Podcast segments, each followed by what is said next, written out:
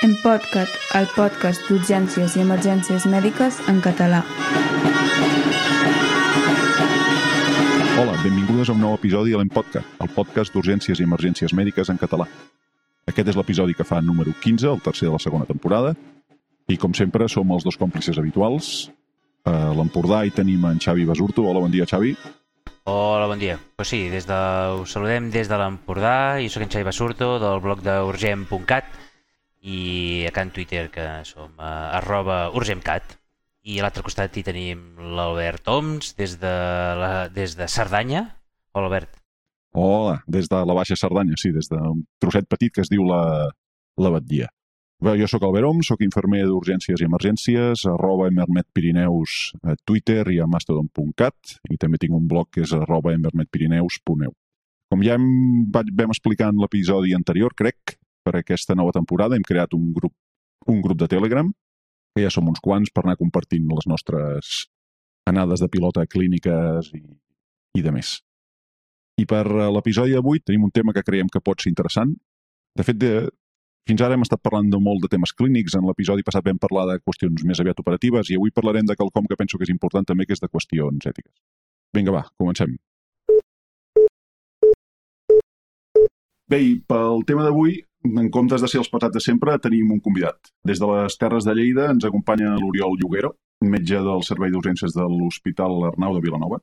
Bon dia, Oriol. Uh, si et vols presentar perquè els oients sàpiguen qui ets i a què et dediques. Hola, bon dia. Jo sóc l'Oriol, sóc un metge de família que des que vaig acabar la residència he estat treballant al Servei d'Urgències de l'Arnau de Vilanova d'aquí de Lleida i que bé, estic implicat amb, amb diferents temes ètics i de fet sóc el coordinador del grup de treball de bioètica de la SOCMUE, de la Societat Catalana d'Urgències i participo al grup d'ètica de, de la CEMES no? i hem fet un parell de projectes de, de recerca sobre aspectes ètics que moltes vegades doncs, la emergència fa que l'ètica quedi com en un segon moment, no? I el que sempre vulguem nosaltres és que cal fer la reflexió ètica abans perquè quan tinguem el dilema ens agafi pensats, no? I que no tinguem el dubte en aquell moment, sinó que hem tingut temps quan estem tranquils i podem parlar de com ens agradaria que fossin determinades coses. Per tant, per això existeix aquest grup que va treballant i que té membres de tot Catalunya. I també sóc el president del Comitè d'Ètica Assistencial del nostre hospital i on moltes vegades tenim dilemes que ens passen a les urgències. Sí, si tens problemes ètics uh, d'urgència, vas tard. Ja hauries de veure. Bé, eh, Sí. molt bé. La qüestió és que l'hem convidat perquè el desembre del 21, em sembla que era, eh, vas publicar un, un article petit a la revista Emergències, la revista de la Societat Espanyola de Medicina d'Emergències i no sé què més, que parlaves de la presència dels familiars Sí. eh, durant Mm -hmm. la reanimació, durant... Eh, vaja, quan els tenim molt, molt fotudets. I llavors ens va semblar un tema interessant, perquè és quelcom... Potser els que fem extrahospitalària, que aquí tant el Xavi que jo en fem, eh, això ja ho hem viscut d'una manera diferent que quan estàs a Sí. urgència. Però és quelcom que, que té el seu interès, especialment, bueno, suposo que ja ens aniràs explicant, no?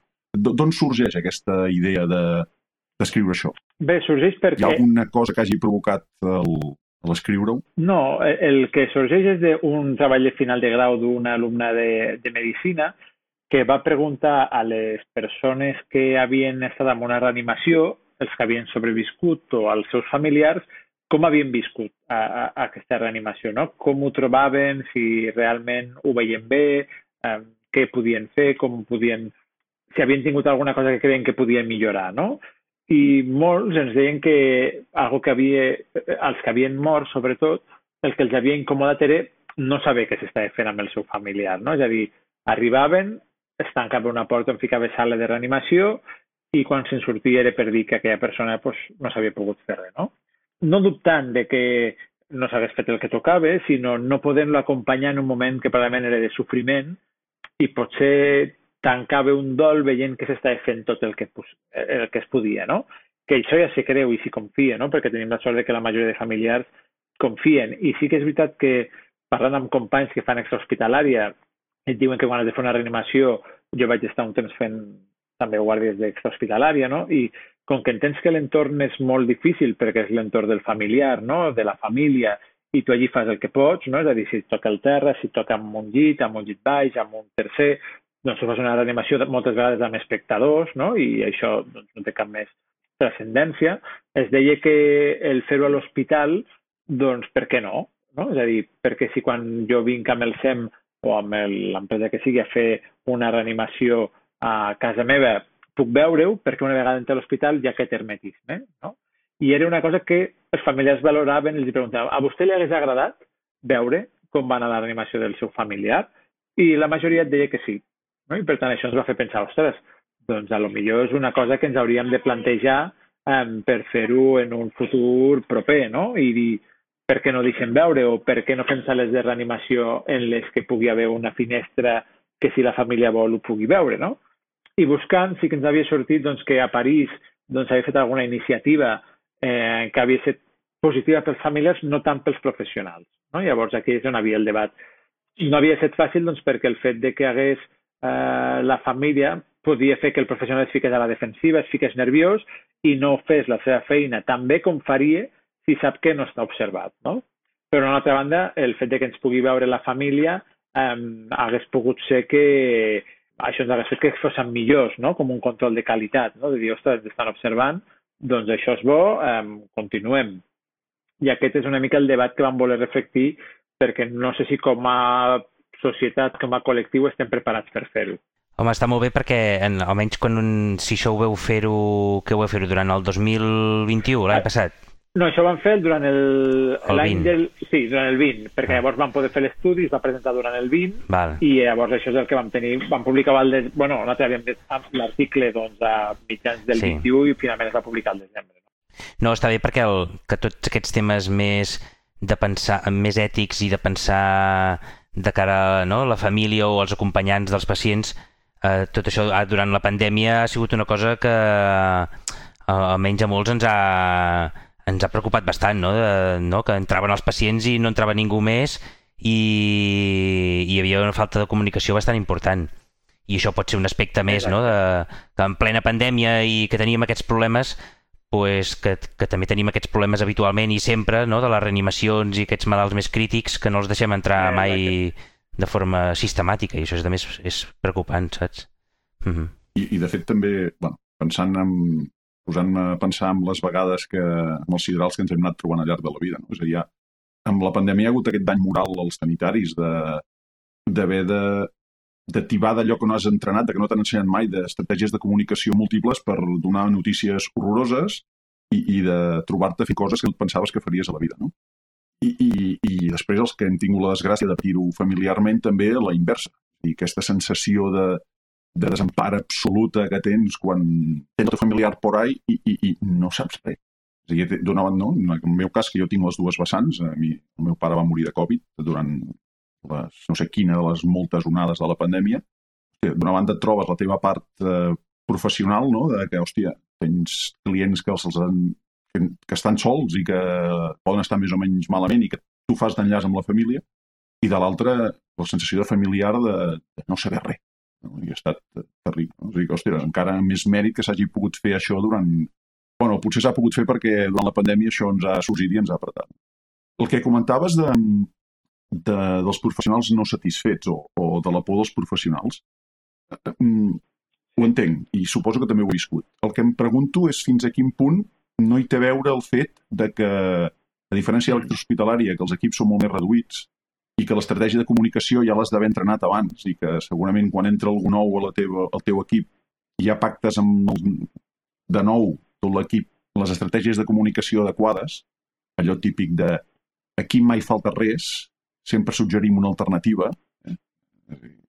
No tenim nolotil, no, no prefereixes paracetamol? com a estratègia comunicativa d'aquestes amb... O la frase típica, això ve, penso que ve més de la seguretat, no? És a dir, quan et mires el company i dius hem de sortir d'aquí amb una cara psicòpata, que és la senyal de que no és segur i que has de marxar, sí. que a l'hospital això no ha passat mai, jo no ho recordo. Estratègies de comunicació intraequip és una... No sé vosaltres, jo no he entrenat en la vida. Ho estem treballant, no? I, I, de fet, és un dels problemes que moltes vegades, és a dir, també hem de pensar doncs que les reanimacions moltes vegades, que és un lloc on s'aprèn molt, doncs moltes vegades entren els metges que atenen, el resident que ha d'aprendre, hi ha tot el personal d'infermeria, hi ha auxiliars, depèn de la gravetat de la reanimació, es doble la gent doncs, perquè fan falta moltes mans I sí que estem treballant no, de que potser haver equips de reanimació per precisament controlar aquestes estratègies comunicatives, no? I hi ha vegades que les reanimacions surten, però quan tu les veus és un guirigall d'aquí cap allà, fica aquesta medicació, jo la fico tal, que sempre normalment hi ha un líder que organitza, però si tu veguessis des de fora veuries que allò és un descontrol, no? Que en aquell caos hi ha un ordre i una lògica que fa que la cosa funcioni, no? Però si no funciona no és per culpa del caos moltes vegades, no? sinó simplement perquè aquell pacient doncs, no és recuperable. Però això, si la família veu caos i que no va bé, eh, probablement no atribuirà això i no a una causa irreversible que pot haver passat. No? Llavors, per això ens ho preguntàvem de que, bueno, eh, no és el mateix contra un equip de tres persones o de quatre que pot anar a una hospital que es coneixen, que a vegades amb una reanimació en què pot haver un metge eh, que no coneix a les enfermeres, doncs perquè aquella tarda les enfermeres són d'una altra àrea que han vingut allí, perquè moltes vegades no coneix el resident, no saben, no ha treballat fins ara amb equip amb, amb aquesta situació, pot ser una reanimació d'una persona jove o d'una persona gran, que també pot influir, no? i per tant tots aquests factors de moment no els controlem i el millor és que quedi darrere de la porta. No? S'ha fet tot i realment s'ha fet tot, no s'ha fet, no com a, com a crítica, no? sinó que potser seria una manera de dir, ostres, hi ha un control de qualitat perquè ens estan veient el que estem fent, no? I llavors nosaltres quan es veu ningú es planteja cap dubte, no?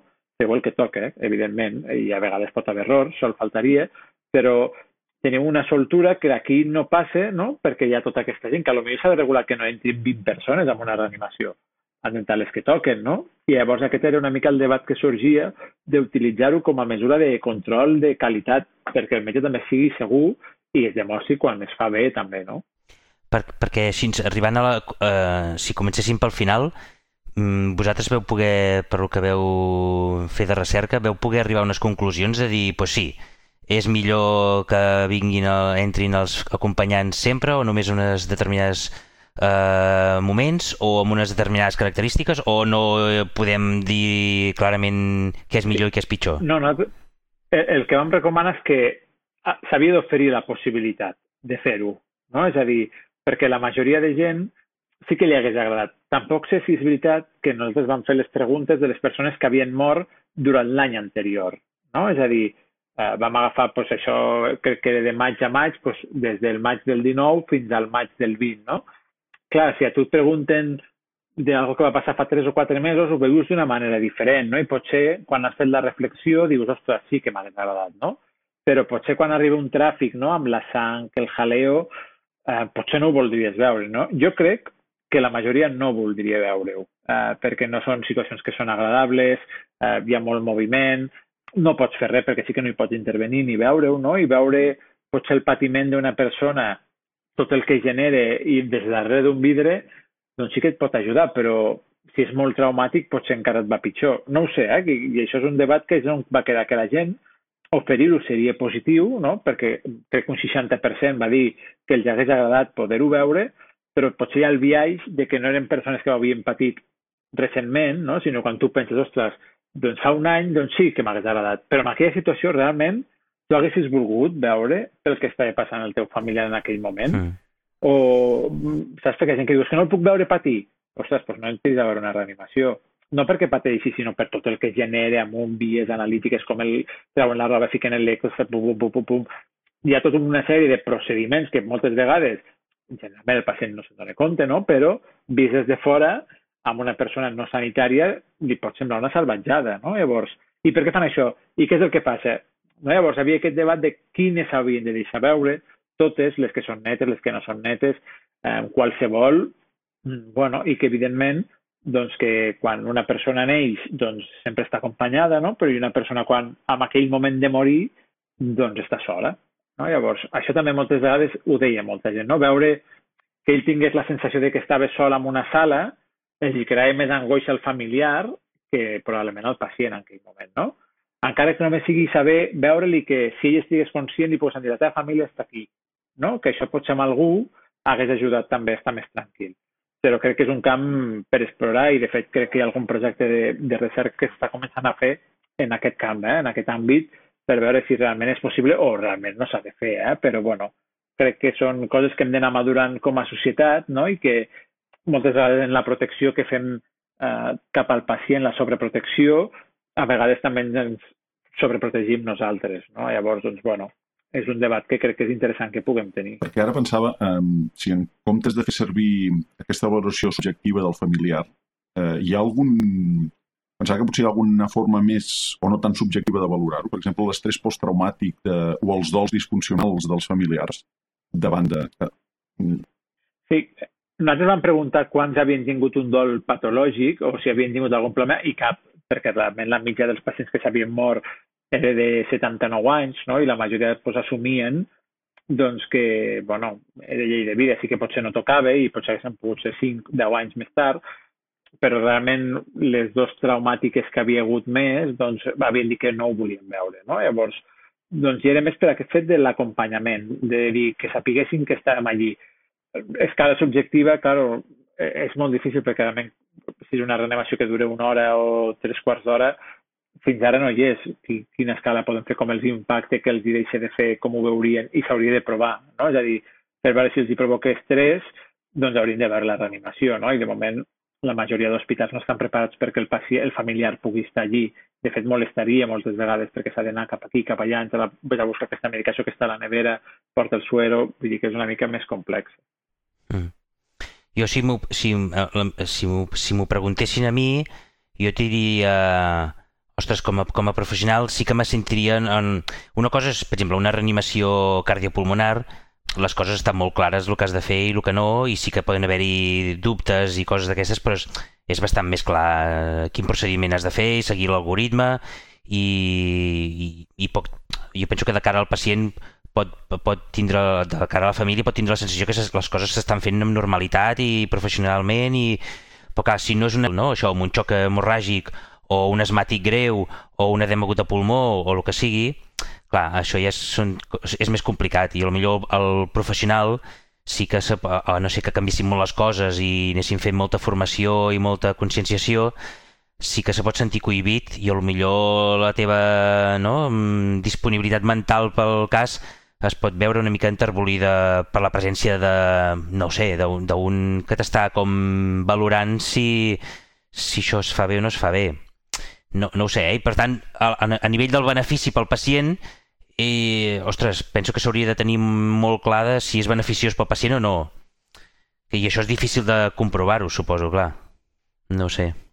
Bueno, fins ara no, no hi és, no? I per tant, bueno, no sé si realment ho hem de fer o no ho hem de fer, eh? Llavors, això era una mica...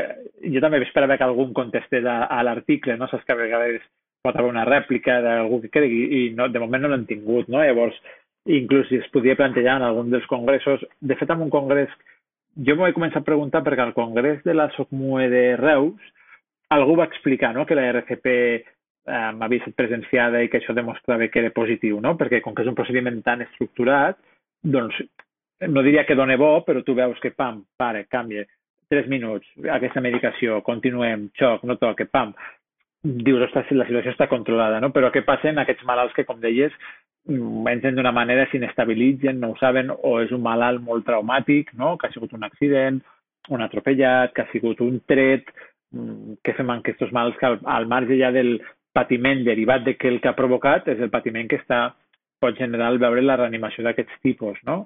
O un padrí o una persona que potser està bé i en aquest moment s'inestabilitza, ja sigui per un xoc sèptic, per un ictus hemorràgic que s'ha d'intubar, que decideixes, doncs, que són situacions bastant més difícils en les que sí que normalment també ho tenim molt clar el que pot passar, però que també tenen aquest grau de, de traumatisme associat a la situació, no? Sí.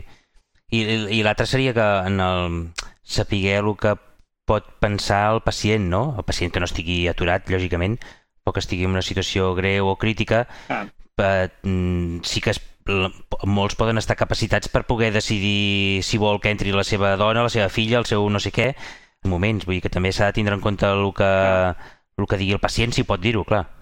Sí, vull dir que és una mica... Jo crec que si la majoria et digués...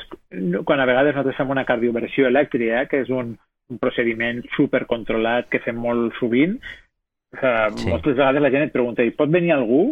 I dius, no, no ens l'emportem a una sala i el tornem, no? Com la majoria de procediments invasius o complexes que es fan a l'hospital, eh? és a dir, no tothom veu com te fan una colonoscòpia o una gastroscòpia.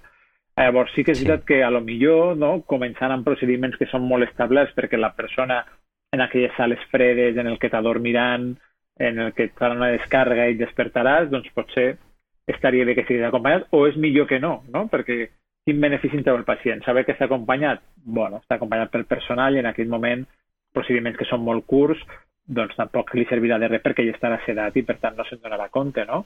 I, i per la família sí. és beneficiós veure com s'adorm? Bueno, tampoc crec que és algo que pugui aportar-li massa cosa, no? Si no, si no pateix i està en una sala, doncs li estan fent la prova i quan surti i despertarà estarà al seu costat, no? O a lo millor quan es farà el despertar després de la sedació per fer la cardioversió, doncs és en aquell moment que potser sí que hauria d'haver un familiar, no? És a dir, que quan tu et despertis després d'haver-te fet aquell procediment, doncs que estiguis amb algú conegut que et digui tot bé, no? bueno, sí. és, és un, potser no cal el procediment en si, sinó en el moment en què diem hem acabat, comencem el, el despertar, no? Doncs aquí ja ve, pot venir el teu família d'acompanyar-te. Uh -huh. Ara que comentes això d'acompanyar, vale. Mm, penso que potser això que estem parlant ara, no? de, de la voluntat, o sigui, aquesta idea dels famílies que els hagués agradat veure, o potser aquesta opinió dels familiars de voler estar acompanyats.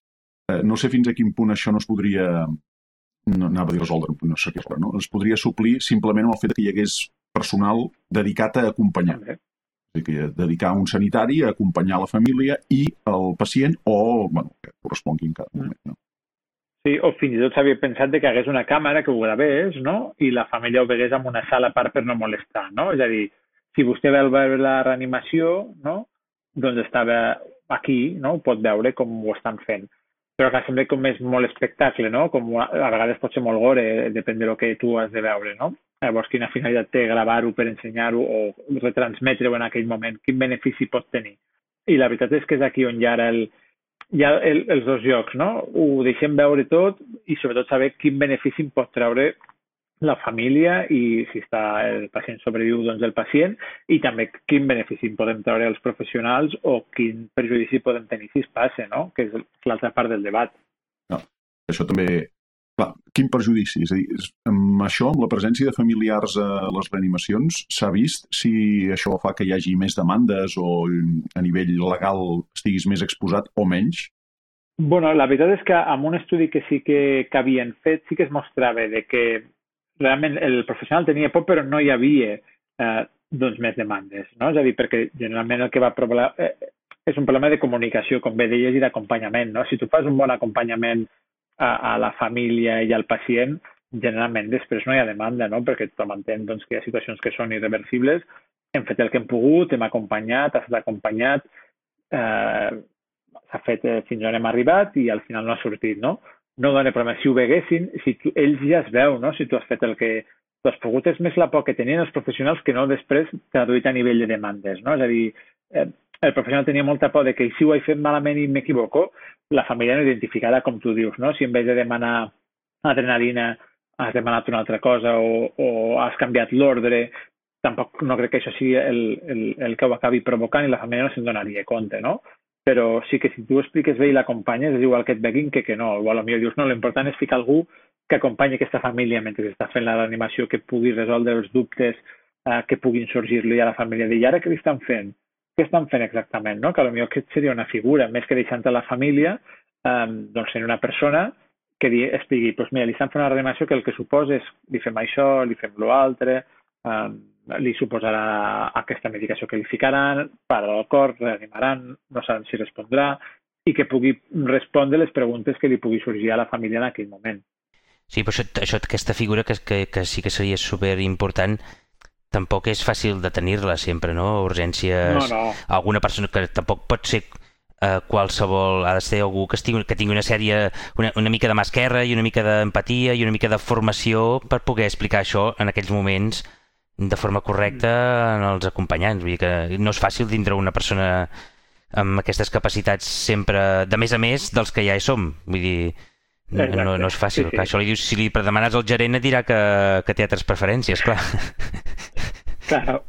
Bueno, jo crec que serà un, potser serà un canvi, eh? perquè també és veritat que el que vam veure és que la gent gran, més gran, no tenia necessitat de saber, confiava no? És a dir, sí. bueno, no necessito veure-ho perquè la veritat és que ja sé que han fet el que han pogut i moltes vegades el pacient també prefereix no saber tant. És a dir, moltes vegades creiem que el pacient vol saber molt tot detall i potser en les generacions més grans hi ha aquest component, no diré de màgia, no? però sinó de confiança en el bon fer dels professionals no? i que confien en el que s'està fent i no necessitem veure com eh, estan pegant cops al tòrax i ficant medicació per creure que han fet tot el que han pogut. No? Sí. Potser les generacions més joves necessiten potser aquesta explicació o no tenen tanta confiança en el sistema i per tant ho han de veure per creure. No? Llavors aquest component de, de potser de confiança gairebé cega en els professionals que potser tenien generacions anteriors ara no ho tenen no? i per tant doncs sempre parlem del consentiment i de tota la informació i nosaltres moltes vegades a ètica parlem de s'ha de donar la informació que el pacient pugui assumir.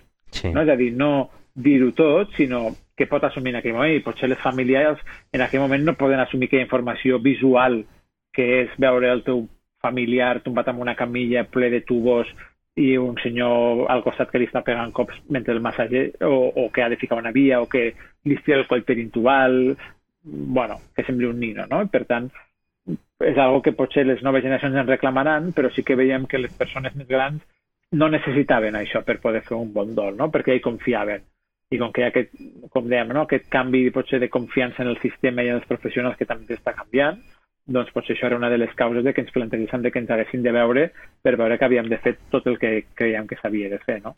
Uh -huh. Ara que, de, que has parlat del gerent, Val. eh, que estimo molt el gerent, jo.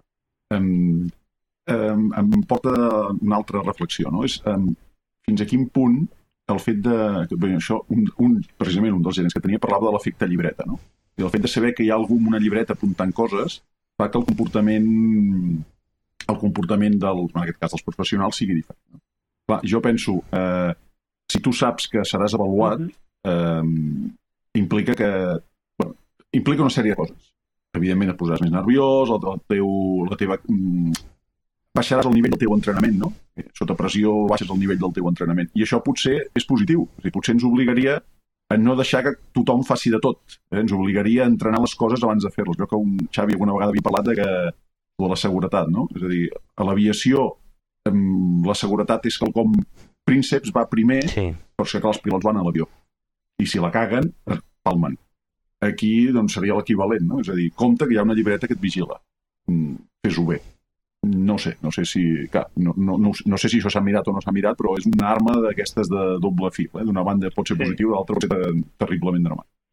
És el que es deia, eh, precisament, de que eh, potser podria servir com a criteri de qualitat, no? T'estan avaluant contínuament, com quan anem a aquests cursos de, per acreditar la RCP, no? De que hi ha unes simulacions en les que hi ha tot un equip que t'avalua de com ho fas, doncs seria, portat a l'extrem, no? que t'avaluï el, el propi usuari més interessat.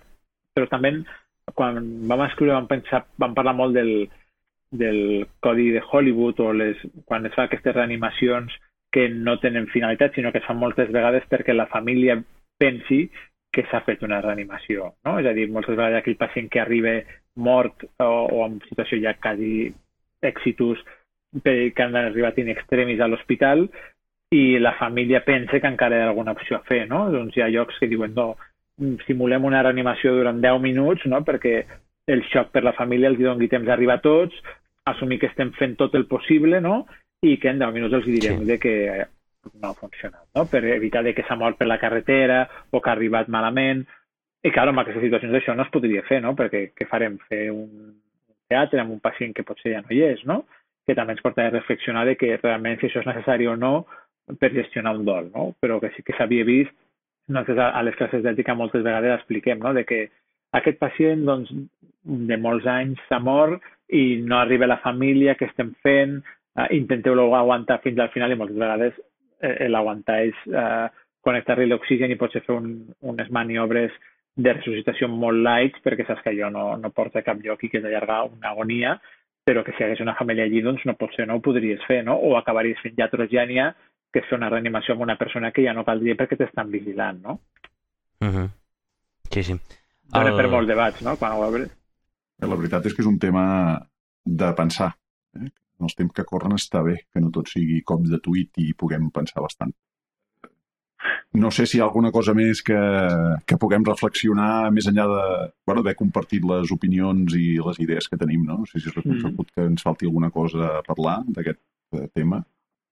Bueno, jo crec que hem fet un bon, un, un bon repàs de quina és la situació, no? quins són els pros i contres, i, i que jo crec que hem de començar a parlar-ho perquè, com dèiem, eh, jo crec que els pacients estan canviant no? i per tant tindran altres prioritats amb la relació metge-pacient, el model està canviant completament, hi ha un empoderament molt important dels pacients i aquestes situacions tard o d'hora arribaran, no? I per tant, com dèiem sempre a Mètica, si això ho podem tenir pensat eh, abans de que ens agafi el problema, doncs segur amb un debat sossegat, no? I així amb un, amb un congrés o amb una jornada de què realment estem preparats, estem, volem fer-ho, no volem fer, doncs segur que si en algun moment, amb, amb uns 5-10 anys, això es pogués produir, o en 15, doncs ja tinguéssim aquesta reflexió ètica i filosòfica i científica, no?, de que dèiem de que com a control de qualitat això ho poguéssim tenir fet. Mm. Sí, sí. Jo, jo així, eh, de sensacions, jo diria que mm, me sembla, benefici... me sembla que hauria de ser per, pels pacients o pels familiars que ho vulguin veure i, i si ells ho necessiten i tal, segurament deu ser beneficiós. I després també diria, el sentit comú me diria de no ser tan taxatiu, de dir que no entrin mai o que hi entrin des del primer moment els pacients, els familiars. Vull dir que millor, si tu tens una reanimació, doncs els primers 5 minuts eh, què estàs organitzant i que la gent s'està posant al seu lloc i veus si és un eh, xoc sèptic o és un hemorràgic o no sé què i, i te fas una, una, una pel·lícula i ja saps per on te van els tiros, doncs després entres, deixes entrar la família si volen entrar, no? No, no, no des del principi, perquè sí que potser veuran un caos total que no sabran si estem, ens estem tirant els pats pel cap o estem pel malalt. Um, I no sé, jo, a mi és el que em passa, eh, que potser el malalt no deixem entrar a la família fins que, que gairebé el, el pacient ha deixat de respirar i tampoc és lo... no? amb un compromís entremig jo penso que seria el més beneficiós, no? Per sentit comú me diu això, no sé si seria així sí. a la realitat, però bueno, no ho sé. Aviam, si seguiu fent alguna... No? Si teniu pensat fer alguna recerca més o teniu pensat eh, fer alguna Ara cosa... Ara estem treballant això, eh? La veritat és que eh, també col·laboro amb, la, amb el grup d'urgències de la Camfic i ara estem pensant en algun projecte en aquesta línia, a veure què en surt i si surt, doncs ja us ho compartirem. Doncs quedem emplaçats a quan surti i tornar-ne a parlar. Vinga. Molt bé, moltes gràcies, Oriol. Penso que ha estat molt interessant. Eh, hem pensat que de veritat que fa falta en els temps que corren reflexionar sobre les coses és important. Sí, home, sí, ja que aquests aspectes ètics que de vegades sempre els deixem una miqueta pel final, pues ja està bé reflexionar-hi tant, tant està molt bé. Moltes gràcies, Oriol. A vosaltres. I passem ara a la nostra secció lletra ferida, l'urgent mot. Què tens per avui, Xavi? Sí, doncs eh, em volia continuar amb el, amb el cicle aquest que fèiem de, de termes eh, del cos humà, d'anatomia, eh, aviam si podíem doncs, bueno, dir el mateix que diem habitualment, però bueno, si hi ha algun terme més adequat o més eh, aconsellat pel, pel terrencat, doncs mira, no costa res eh, canviar-los una miqueta i dir-ho de forma correcta. Almenys, la intenció és almenys a l'hora d'escriure-ho doncs que sigui més correcte. No? L'hora del llenguatge verbal, doncs, bueno, com que és més tolerable i, i és més lliure, doncs no passa res. Però si hem d'escriure un document oficial, doncs almenys fer-ho una miqueta millor. Una recomanació, per exemple, que em sembla que no l'havíem dit, que ja, ja sé que és de lògica, però bueno, ho recordo, el tema de l'orella i l'oïda. Quan parlem d'oïda estem parlant del sentit, del sentit que tenim per percebre els sons Val? En canvi, hem de parlar de l'orella externa, l'orella mitjana i l'orella interna, que és, que és l'òrgan, l'òrgan de l'audició. Això ja queda clar, però bueno, ho recordo la diferència entre orella i oïda. Menys conegut és el terme del, del perineu. En lloc de dir-ne periner, jo sempre n'havia dit el periner, doncs si ho has d'escriure de forma correcta, doncs millor dir-ne el perineu. La fractura del penyal, val? Uh, sempre havien dit el penyasco del temporal, que diem així adaptat al castellà, és el penyesco del, del temporal, en català en diem el penyal, és una fractura de, de la base del crani que afecta la porció patrosa de l'os temporal, eh, això és la fractura del penyal. Aquesta és la que fa allò, els ulls de mapatge, els ulls d'os rentador? Ah, exacte, exacte, sí, sí, sí, sí, sí. és la, el signe així que veiem al cap de poques hores, pues, has de pensar en una fractura de, de la base del crani i concretament de la, de la porció patrosa, és la fractura del penyal.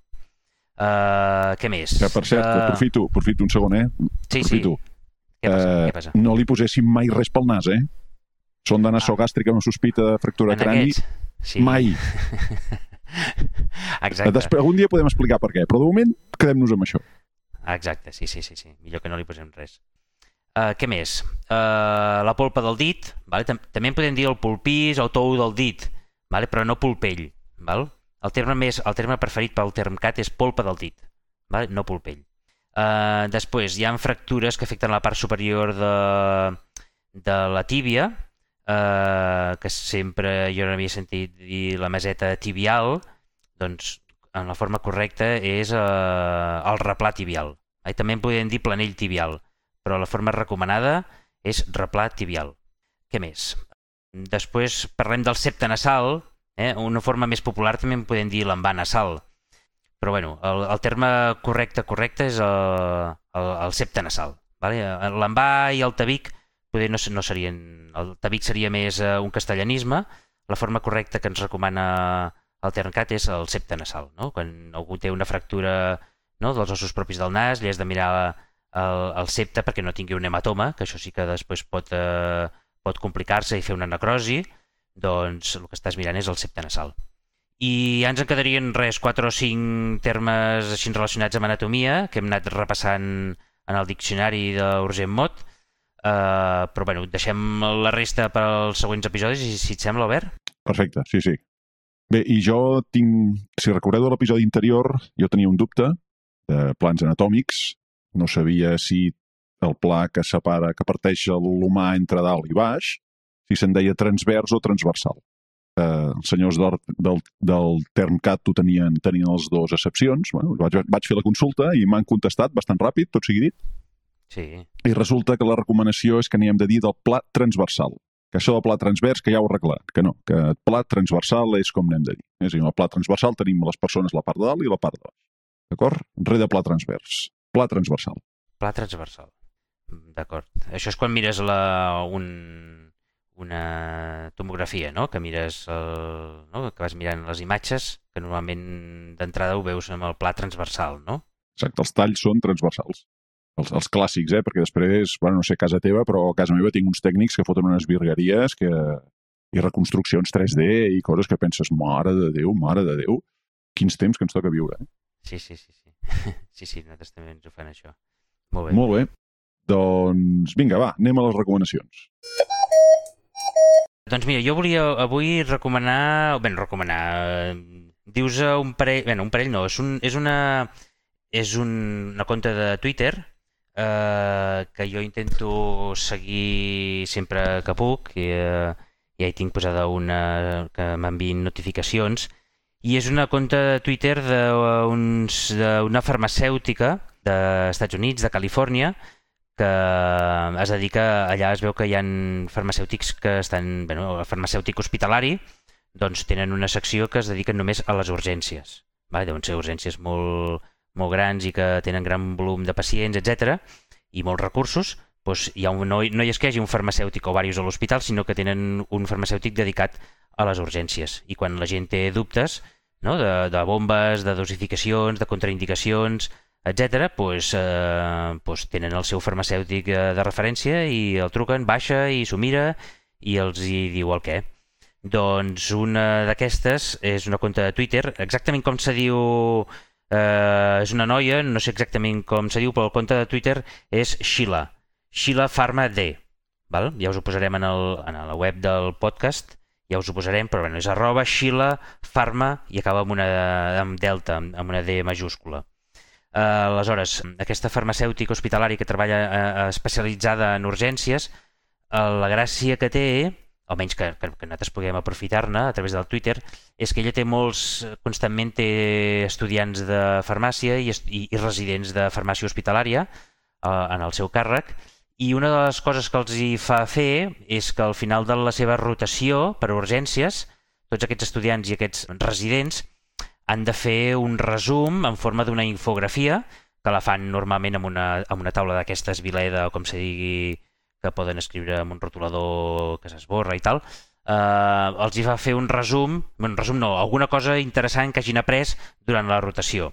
I bueno, després el, clar, ell els hi corregeix, els hi supervisa i eh, la veritat és que els hi queda com un resum en forma d'infografia d'algun tema concret, d'urgències i molt relacionat amb fàrmacs, que jo me'ls miro habitualment i, i són molt interessants eh, i parlen de, tema de, de te temes que nosaltres habitualment tractem, no? de les emergències hipertensives, de quins fàrmacs hem de donar, de les anticoagulacions, dels estats epilèptics, eh, bueno, temes de que, que en patologia hi ha molta medicació entremig i que de vegades eh, dubtem dosis i, alta, bueno, i dubtem amb, amb aquests aspectes més farmacològics, doncs eh, tots els residents que passen per ella i estudiants doncs, fan un petit, eh, això, una, una petita infografia i clar, ells ho pengen en el, en el Twitter i nosaltres ho podem veure. I la veritat és que jo me'ls vaig guardant tots aquests que van fent i els tinc en el meu xuletari electrònic i quan tinc un dubte i tal els consulto i la veritat és que almenys me donen confiança. Els podeu seguir, hi ha una conta que també està relacionada amb aquesta conta de Sheila Pharma, que és uh, Tillet Pharma D. Tillet vol dir Today I learn uh, from Emergency uh, Department uh, Pharma, Pharma D. Val? Uh, Tillet, Tillet uh, Pharma D. Um, en aquest compte també uh, és on també pengen doncs, totes aquestes infografies, uh, també les pengen en, aquest, en aquesta compte de Twitter. I també ho podem seguir-ho amb el hashtag Pharmacy Education Board. Una etiqueta, un hashtag, que és això, Pharmacy Education Board. Pues si seguiu aquesta etiqueta o aquests dos eh, comptes de Twitter, el Sheila Pharma-D o Tillet Pharma-D, doncs podreu llegir i veure i estudiar i guardar-vos guardar, aquestes infografies que fan, que la veritat és que a mi són de bastanta utilitat. Molt bé. El poder de les xarxes socials, eh? i en aquest cas és un poder benigne. Sí, clar. No pas les porqueries que es fan virals de tant sí, en tant. Sí, ell ho explicava com, ostres, si ja que passen per aquí residents i estudiants i van aprenent coses i tal, doncs, pues, per quin sentit té que això tu guardis el que vagis aprenent tu amb una carpeta teva privada amb un ordenador o en el teu mòbil, pues, ja que ho fas, pues, pues aprofiten i ho posen, um, uh, ho difonen a través de Twitter i així pues, bueno, a qui li pugui interessar pues, uh, s'ho llegeix, s'ho mira i te posen les referències bibliogràfiques d'on t'ho han tret tota aquella informació que han plasmat i així tu pots contrastar-ho o no o... Bé, me sembla molt interessant i me sembla interessant que, que això ho poguéssim arribar... Jo no ho coneixo que, que es faci per aquí alguna cosa similar, però bueno, estaria bé que aviam si algú s'anima i no, dels residents i tal, pues, pues, bueno, el que fan a part de fer-ne sessions i tal, pues, que, que, que es faci, faci una difusió pública a nivell no, d'una xarxa social que tothom hi tingui accés, me sembla molt interessant. Doncs mira, això ho lligarem perfecte, perquè jo també tinc una cosa que va de residents. Ah. És una sèrie de, en el cas aquest, és una sèrie de podcast, de, estan inclosos dins una plataforma que és Rebel IM, no? els rebels de l'emergència mèdica. Però bé, per, jo m'interessa només en aquest cas concret, potser un altre dia parlem de Rebel en general, m'interessa una sèrie de podcasts que es, es diu Rebel Core Cast Basics of EM, no? els bàsics de la, de la medicina d'emergències. És americà, als Estats Units ja sabem que hi ha l'especialitat de medicina d'urgències, i allà ja fa temps hi va haver-hi algun resident gran que va decidir escriure, fer com una mena de, de pla d'estudis, diguem-ho així, no? de, de contingut a aprendre basat en motius de consulta per als residents que s'incorporaven al servei. Doncs bé, el que han fet ara és una versió en podcast d'aquesta mena de llibre, eh, d'aquesta mena de compendi dels chief complaints, no? de, dels motius de, de consulta.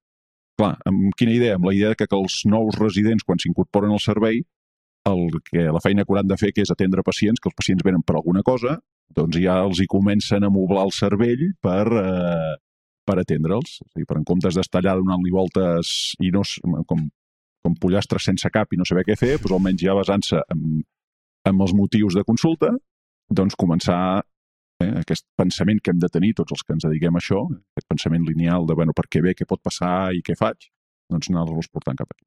Eh, és Rebel Corecast Basics of EM, que, escolta'm, que si algú del que ens escolta és responsable de formació de residents i creu que això pot ser convenient pel seu servei, aquí nosaltres tenim una plataforma que es pot fer servir. Que ens contacti i ja mirem a veure com ho maneguem. A veure, haurem de fer una altra secció, la secció del resident. Doncs, mira, bueno, de fet, no hi ha el Soc Moemir. Companys, sí, eh, sí, plantegem-s'ho. Sí, sí. Plantegem-s'ho perquè és una manera de que els que la pega és que els residents són els residents de família que venen uns quants rotatoris i és una miqueta Clar, perquè ells no, perquè els, els que ens escolten tenen sort de que no ens veuen, perquè potser ja, ja veurien alguna cana per aquí i dirien, home, si tinguessin algun, si hi haguessin residents, doncs mira, uh, sempre li dona més uh, modernitat o, no sé, un altre... Sí, sí, una miqueta vells estem, eh? Però, de fet, clar, bueno, de fet Molt bé, t'estic dient una mentida, perquè, clar, de residents de Medicina d'Urgències en territori de parla catalana sí que n'hi ha, que són els companys que Sí. es formen a Perpinyà. Mm. Però, vaja, no em consta que hi hagi ningú que ens escolti des d'allà encara, aviam si, si responen. El podríem difondre a través de... Jo, quan passo per allà aquestes zones, escolto Ràdio Arrels. No sé si n'hi ha altres de ràdios en català o no sé què, però jo no sé per què. Uh, sempre tinc Ràdio Arrels quan passo per allà, no sé. Bé, Ràdio Arrel, sem catalans. Molt bé. doncs va, eh, em Molt sembla que ja en tenim prou per avui. Eh, Recordar-vos que estem bé. a totes les plataformes de podcast, que hi ha por ahí, doncs, el, doncs l'Apple Podcast, el Google Podcast, el Spotify. I, bueno, i, el, i evidentment a tots els podcatchers que teniu, els programes aquests per reproduir podcast, estem allà. I encoratjar-vos a que us apunteu al grup de Telegram i que en, bueno, allà podem anar debatent i parlant dels temes que creguem oportuns. Vinga, que vagi molt bé i fins a la propera. Vinga, fins a la propera. Adéu-siau.